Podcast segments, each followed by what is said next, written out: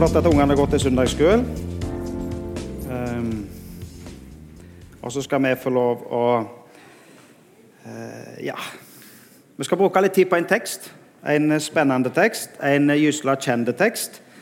Uh, en tekst som Hva skal jeg si? Jeg tror vi kan si at de aller fleste har hørt uttrykket 'den barmhjertige samaritan'. Jeg tror det skal godt gjøres ikke har hørt om eller iallfall hørt uttrykket 'den barmhjertige samaritan'. Og det er klart, Historien om den barmhjertige samaritan den er kjent i Norge eh, og brukt egentlig langt utover eh, kristne bedehus- kirkesammenhenger. Det er jo et uttrykk på en måte til og med i språket. Det, er jo som regel positivt. En som gir hjelp til en annen. Altså en som er en samaritan. Han viste seg som en samaritan. Eh, og da gir en ofte hjelp til noen som ikke har fortjent å få og motta den hjelpen. Han var en samaritan. Av og til kan vi høre det brukes negativt. Du er ikke akkurat noen samaritan. du, ikke sant? Altså, må ikke tro at du er bedre enn andre. Du er jo ikke ja.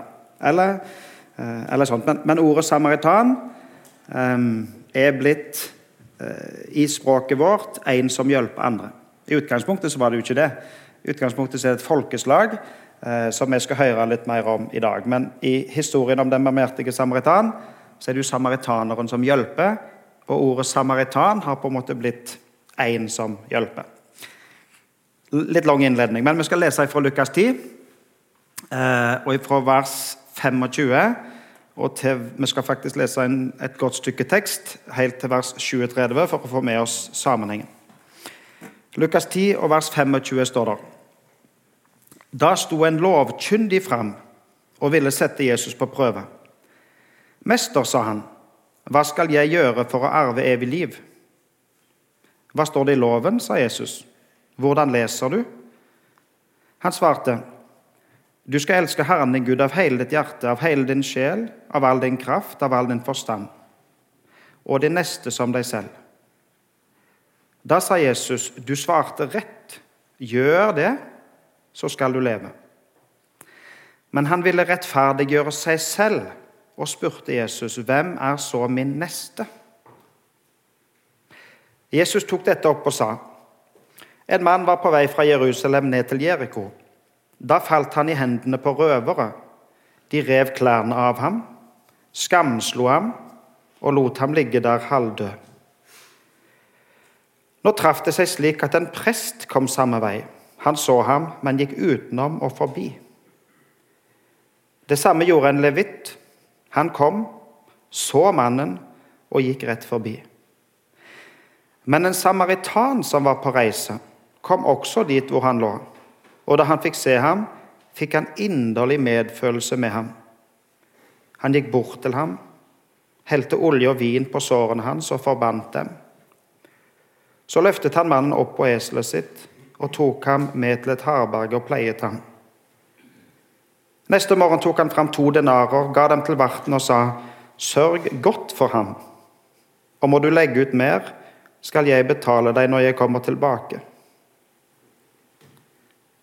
Hvem av disse tre synes du nå viste seg som en neste for ham som ble overfalt av røvere?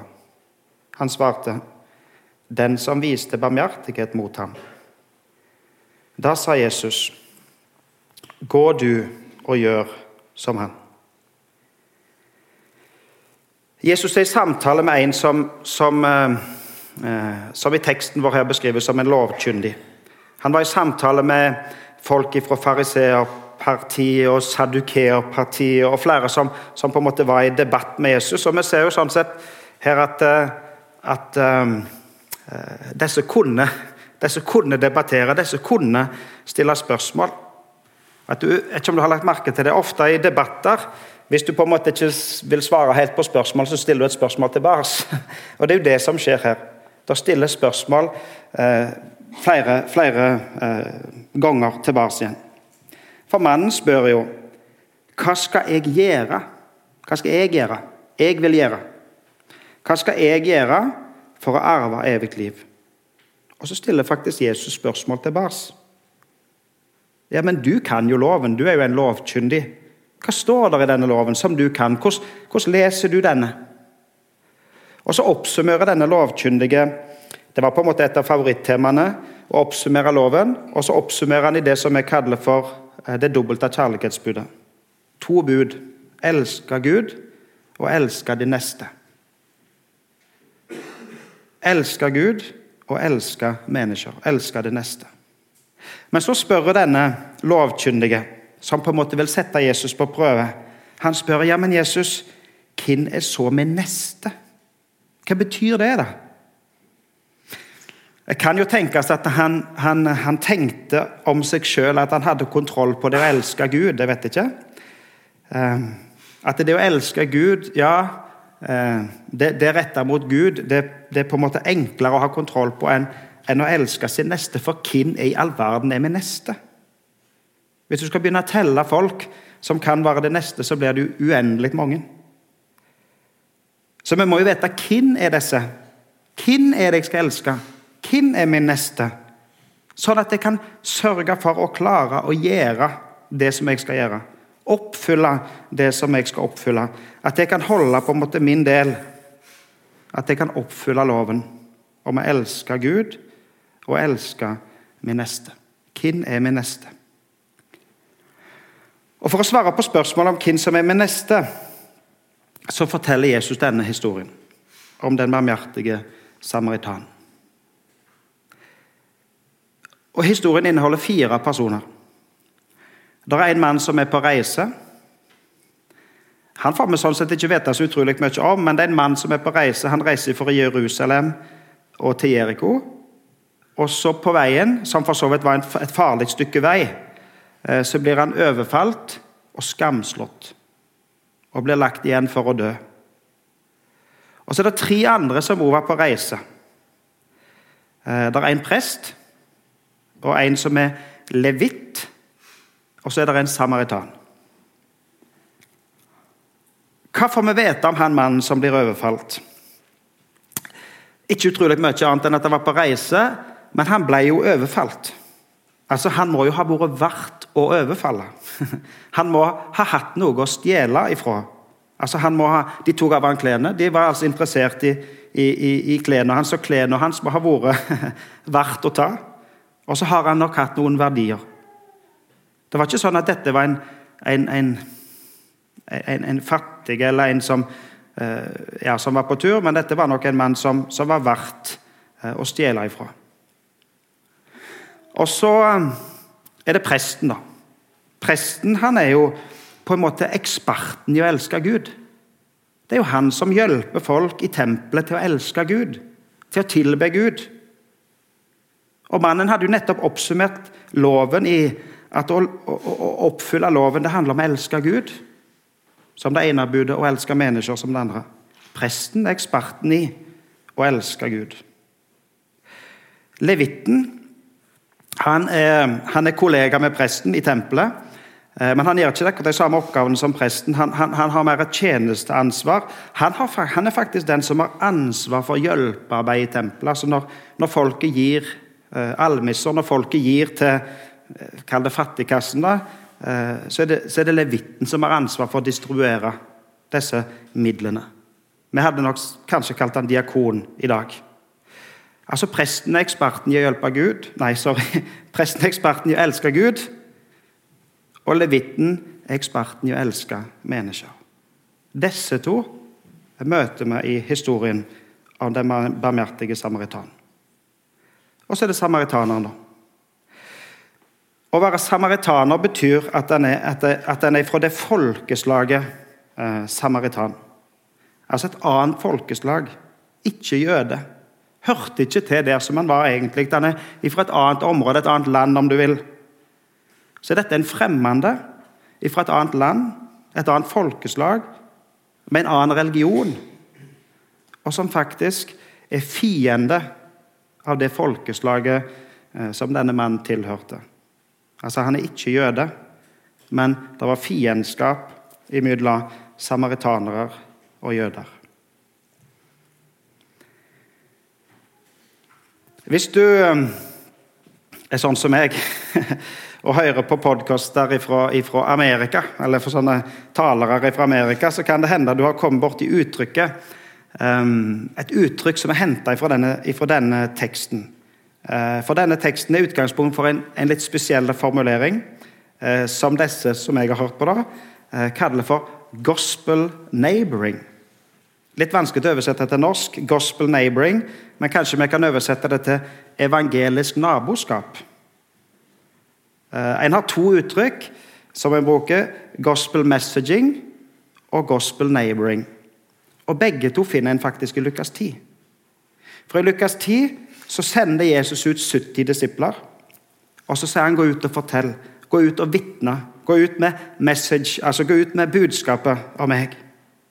Og Så reiser de 70 ut, og så vitner de om Jesus. Gospel messaging. Mens denne historien, som også finnes i Lukas 10, samme kapittel, eh, så, så snakkes det om hvem som er min neste, hvem er min neighbor, som de da sier på engelsk. Og så får en uttrykket 'gospel neighboring'. Og Jesus snur egentlig opp ned på våre tanker om å elske vår neste i denne historien. Å elske de neste kan bety å forkynne evangeliet. Å sørge for at en får tak i budskapet om Jesus. Ja, selvsagt kan det bety det. At vi skal forkynne evangeliet, eh, la de få høre budskapet om Jesus. Og at vi, er, at vi elsker vår neste sånn at vi er opptatt av at de får budskapet. Men i denne teksten så handler det faktisk ikke om å forkynne budskapet, men å gi hjelp. Om å gi legemlig hjelp. Gospel neighboring. Evangelisk naboskap, kaller det. Om å hjelpe andre.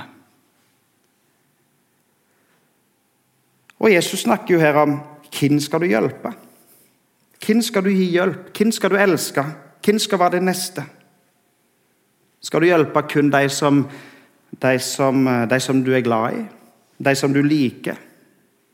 Skal du hjelpe kun de som liker deg tilbake, som er glad i deg tilbake, som kanskje kan gi noe tilbake? Nei, Jesus sier jo at du skal til og med hjelpe, altså elske, din fiende. En som ikke har noen ting.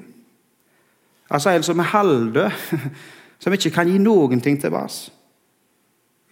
Han skal du hjelpe. Han er din neste. Når skal du gi hjelp?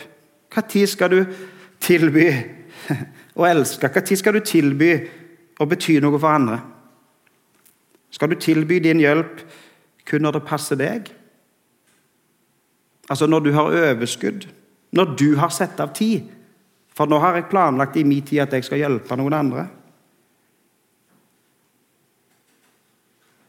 Denne mannen var på reise. Sannsynligvis på vei, eller helt sikkert på vei til en plass. Og så forstyrres hele reisen. Han måtte til og med overnatte ei ekstra natt. Og på overnattingsplassen der han måtte overnatte sammen med denne som var skamslått, så måtte han til og med betale av sin egen lomme. Ganske mye penger, faktisk. Og så gir han eh, så gir han ekstra og sier 'sørg for han'. Altså, hvor mye skal du bidra med? Hvor mye skal du hjelpe? Skal du hjelpe når du eh, er ferdig med huslånet ditt? Skal du hjelpe når du på en måte har sett av nok penger til at eh, nå kan du faktisk bidra? Skal du gi det som du har planlagt i budsjettet ditt, at det kan jeg klare? Eller skal du gi til og med når det koster?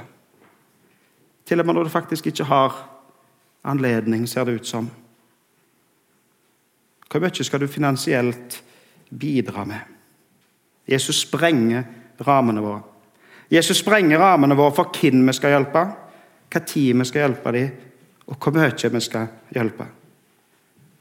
Og så handler det selvsagt ikke bare om penger, bare for å si det, men det handler om tid, krefter, liv, innstilling.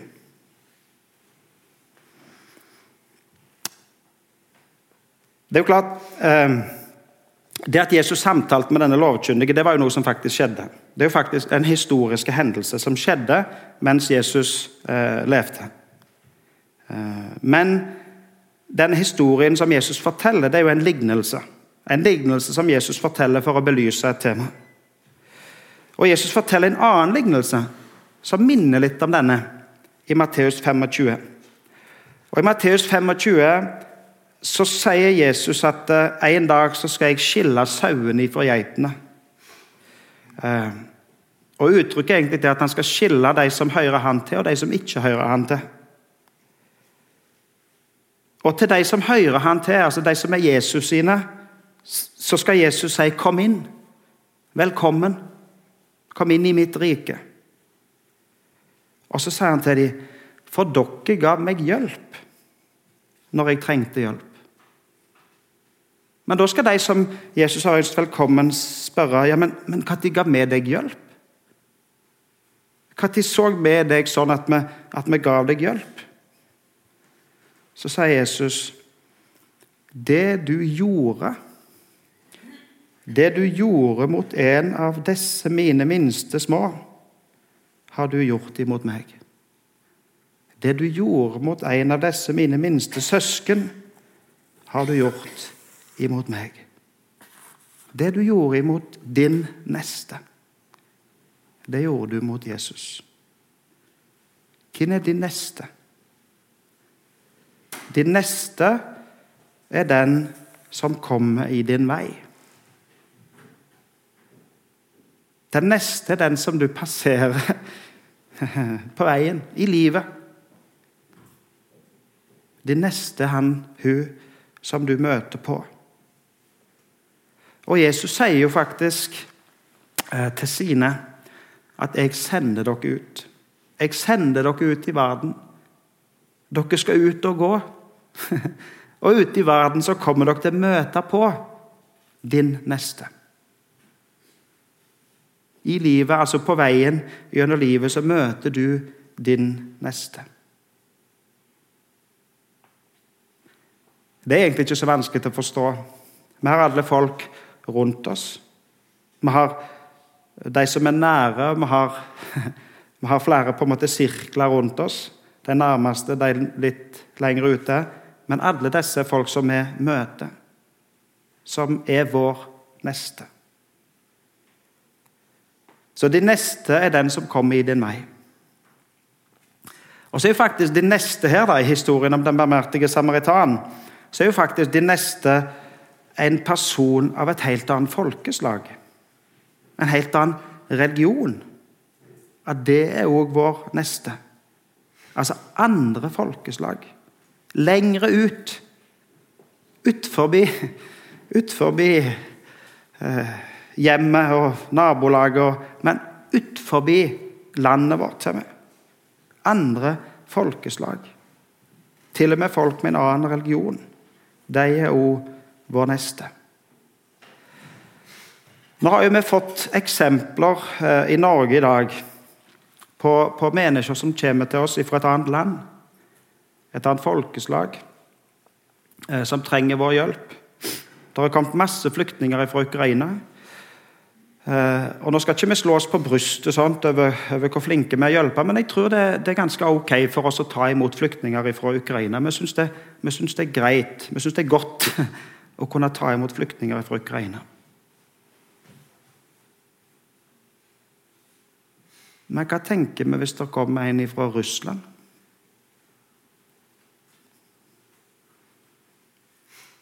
Samaritaneren var egentlig en fiende. Det var ikke en sånn vennlig altså ble, Disse to folkeslagene var, var, fiender. Altså, Vi kalles faktisk til å elske alle folkeslag. Alle mennesker.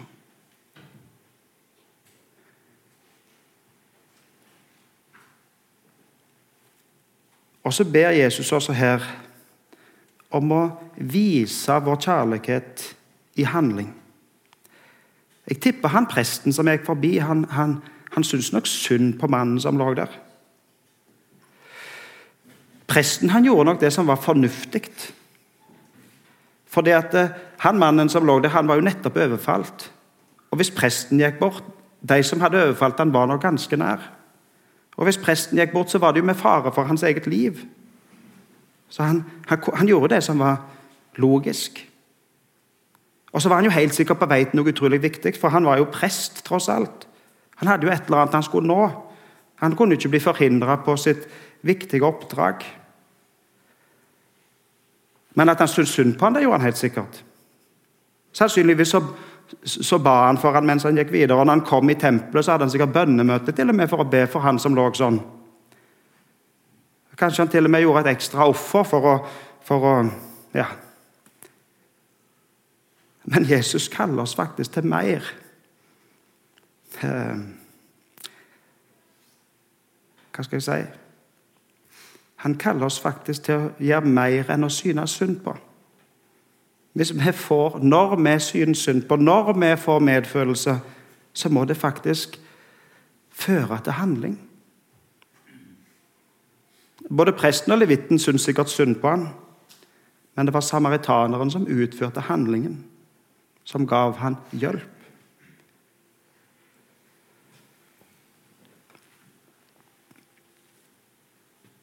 Denne historien forteller jo Jesus som et svar til han her som, han her som stilte spørsmålet.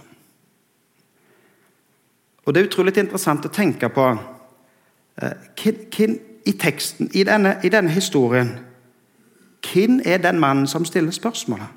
Hvem er denne lovkyndige? Jesus plasserer faktisk han inn i teksten, men hvem er han? Altså, Vi vet jo det at han er ikke prest. Og han er ikke levitt. Og så tenker jeg at, eller Det kan være naturlig å tenke at historien kunne vært sånn. Når Jesus svarer ja, men tenk deg at du er på tur. Tenk deg at du er ute og reiser. Og tenk deg at når du som er jøde, som han var, da, er ute og reiser, så treffer du en fra et annet folkeslag, en samaritaner som ligger halvslått eh, på sida av veien. Og så går du av eselet ditt og så hjelper du han. Det ville vært utrolig radikalt. At han, jøden som var på reise, skulle hjelpe en samaritaner. Sannsynligvis så ville han Nei, jeg kan ikke hjelpe han. Han er jo en fiende. Men vet du, Jesus snur helt opp ned på det, så sier han det er en samaritaner som er på reise. Det er ikke du som er ute og reiser. Og denne mannen var i alle fall ikke en samaritaner, det er helt sikkert. Og hvem er mannen da? Hvem er du i denne historien? Du, du er faktisk han som ligger der og trenger hjelp. Du er han som er forslått og halvdød. Mannen spurte, 'Hvem er min neste?' Men når Jesus svarer eller når Jesus oppsummerer historien, så spør han I plassen for å si 'Hvem er det neste?', så snur han på spørsmålet og så spør han hvem viste seg som en neste for denne mannen? Du som lå halvdød der, du som trenger hjelp. Hvem viste seg som en neste for deg? Og så må mannen svare. I debatten som må denne lovkyndige svare. Og vi kan jo merke oss at Han klarer ikke faktisk, han klarer ikke engang å ta ordet samaritaner i sin munn. Han sier ikke at det samaritaneren viste seg som en neste, men han sier 'han som viste barmhjertighet mot mannen, var en neste'. Viste seg som en neste. Hva er det Jesus vil fortelle den lovkyndige? Han som, han som ville gjøre, han som ville bidra, han som ville oppfylle.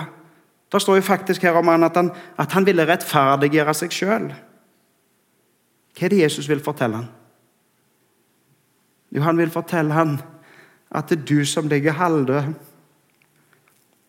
uten noen ting, for de har tatt alt ifra deg. Du trenger faktisk hjelp. Det er du som trenger en neste. Det er du som trenger å bli elska. Det er du som trenger hjelp. Og så kommer hjelpen fra helt uventa hold. Denne mannen, denne lovkyndige han hadde jo helt sikkert vært en utrolig god samfunnsborger. Han var jo til og med ganske høyt i systemene. Han hadde sikkert betalt mye skatt og gitt mye gaver til tempelet. Og presten som kom gående, ville jo helt sikkert hjelpe han.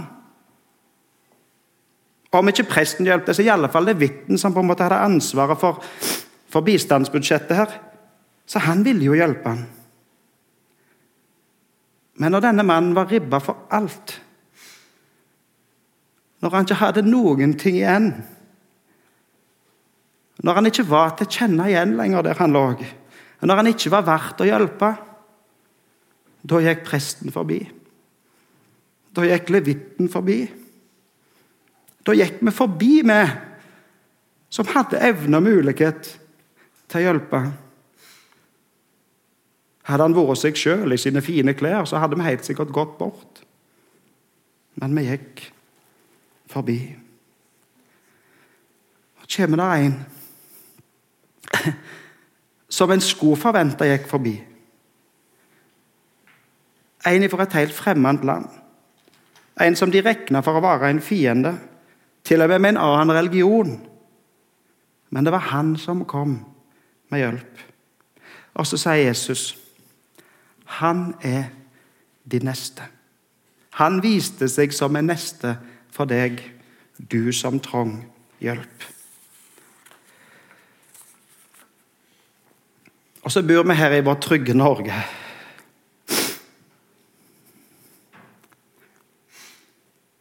Med ganske mye Hva skal du si goder. Og til vår trygge, rike Norge så kommer det folk nå som flykter fra krig. Og så tar vi imot dem. Og ja, vi gjør jo det. Eller det vil si, systemet vårt tar jo imot det. ikke sant? Vi har jo politikk og sosiale rammer som gjør at det, eh, systemer som på en måte kan ta imot folk. For å si Det så, det er folk som får lønn fra staten, som tar imot disse som kommer ifra, uh, ifra land uh, med krig. Og så sa jeg jo, ja, Nå har vi jo fått folk fra Ukraina. Det blir på en måte litt annerledes, for de ligner litt mer på oss. Og Da ble det liksom litt lettere for oss å være litt nærmere. Men vet du, da kommer faktisk ganske mange helt fremmede.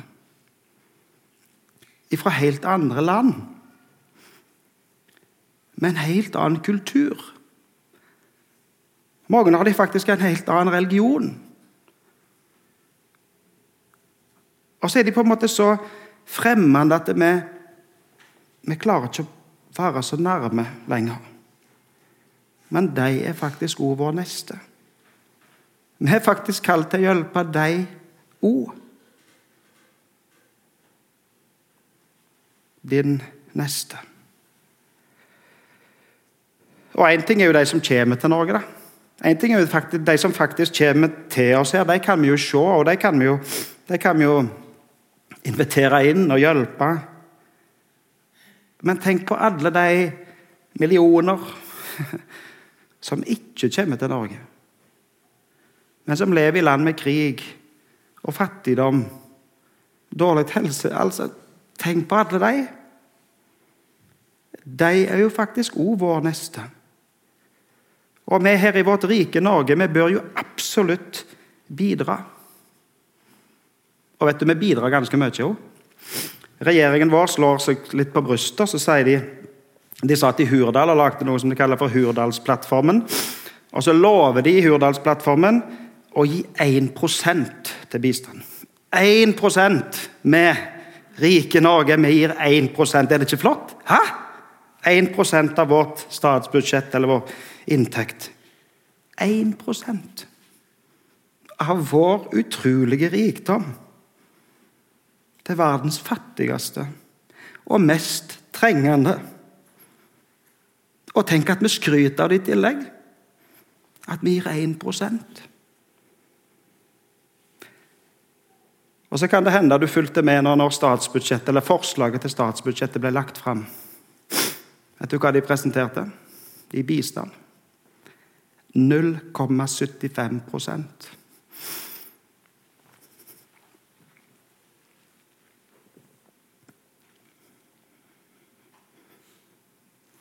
Tenk om det var du. Tenk om det var du som trengte hjelp. Tenk om det var du som levde i et land med krig. Tenk om det var du og din familie som ikke hadde mat. Tenk om det var en av dine nærmeste som ikke hadde råd til livsviktige medisiner. Tenk om det var du som lå i veikanten. Har ingenting. Forslått, halvdød. Og du trenger faktisk hjelp. Da trenger du at det kommer en barmhjertig samaritan.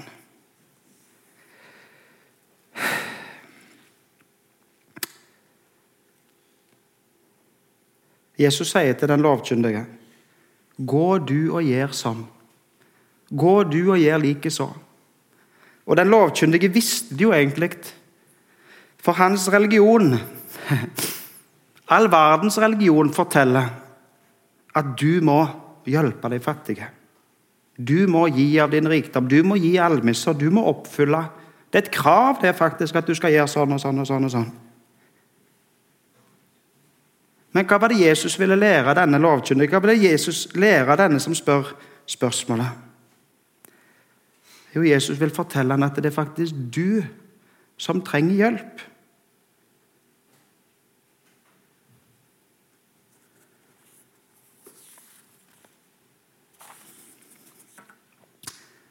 Vi har én person igjen å identifisere i, i historien. Hvem er den barmhjertige samaritan? Hvem er det han minner om? Hvem var det som kom inn i vår verden? Hvem var det som steg ned og bødde seg ned til oss i vår nød?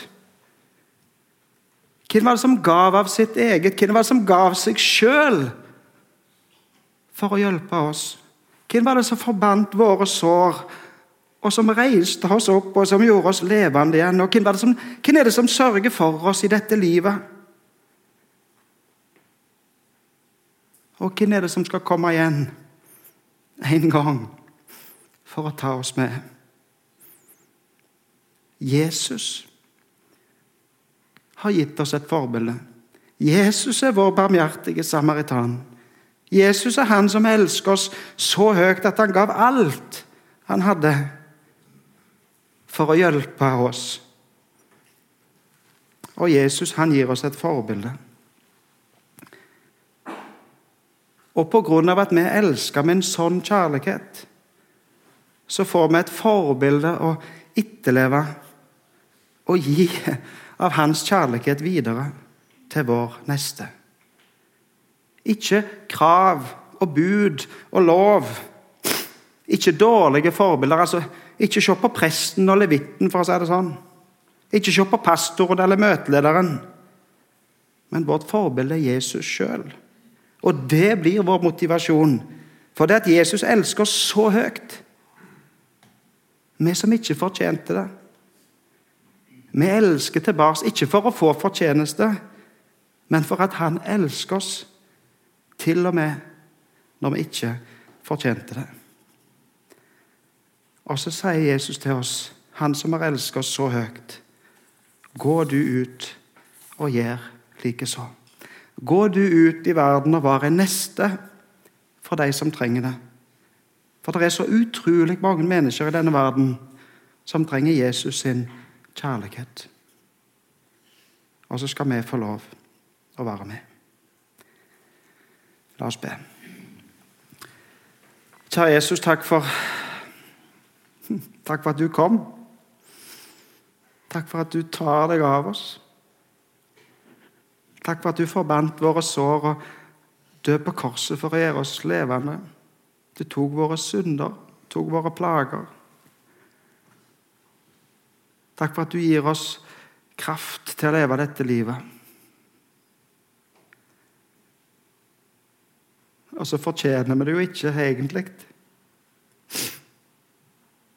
Men vi har så lyst til å være med og vise denne kjærligheten ut til andre. Og du gjør oss i stand til det. Jeg vil be deg, Jesus, for denne dagen som ligger før oss, og dagene i uka som kommer, framover. At vi må få lov å kjenne på den kjærligheten du har elsket oss med. Og at vi kan få lov å gi det videre til andre.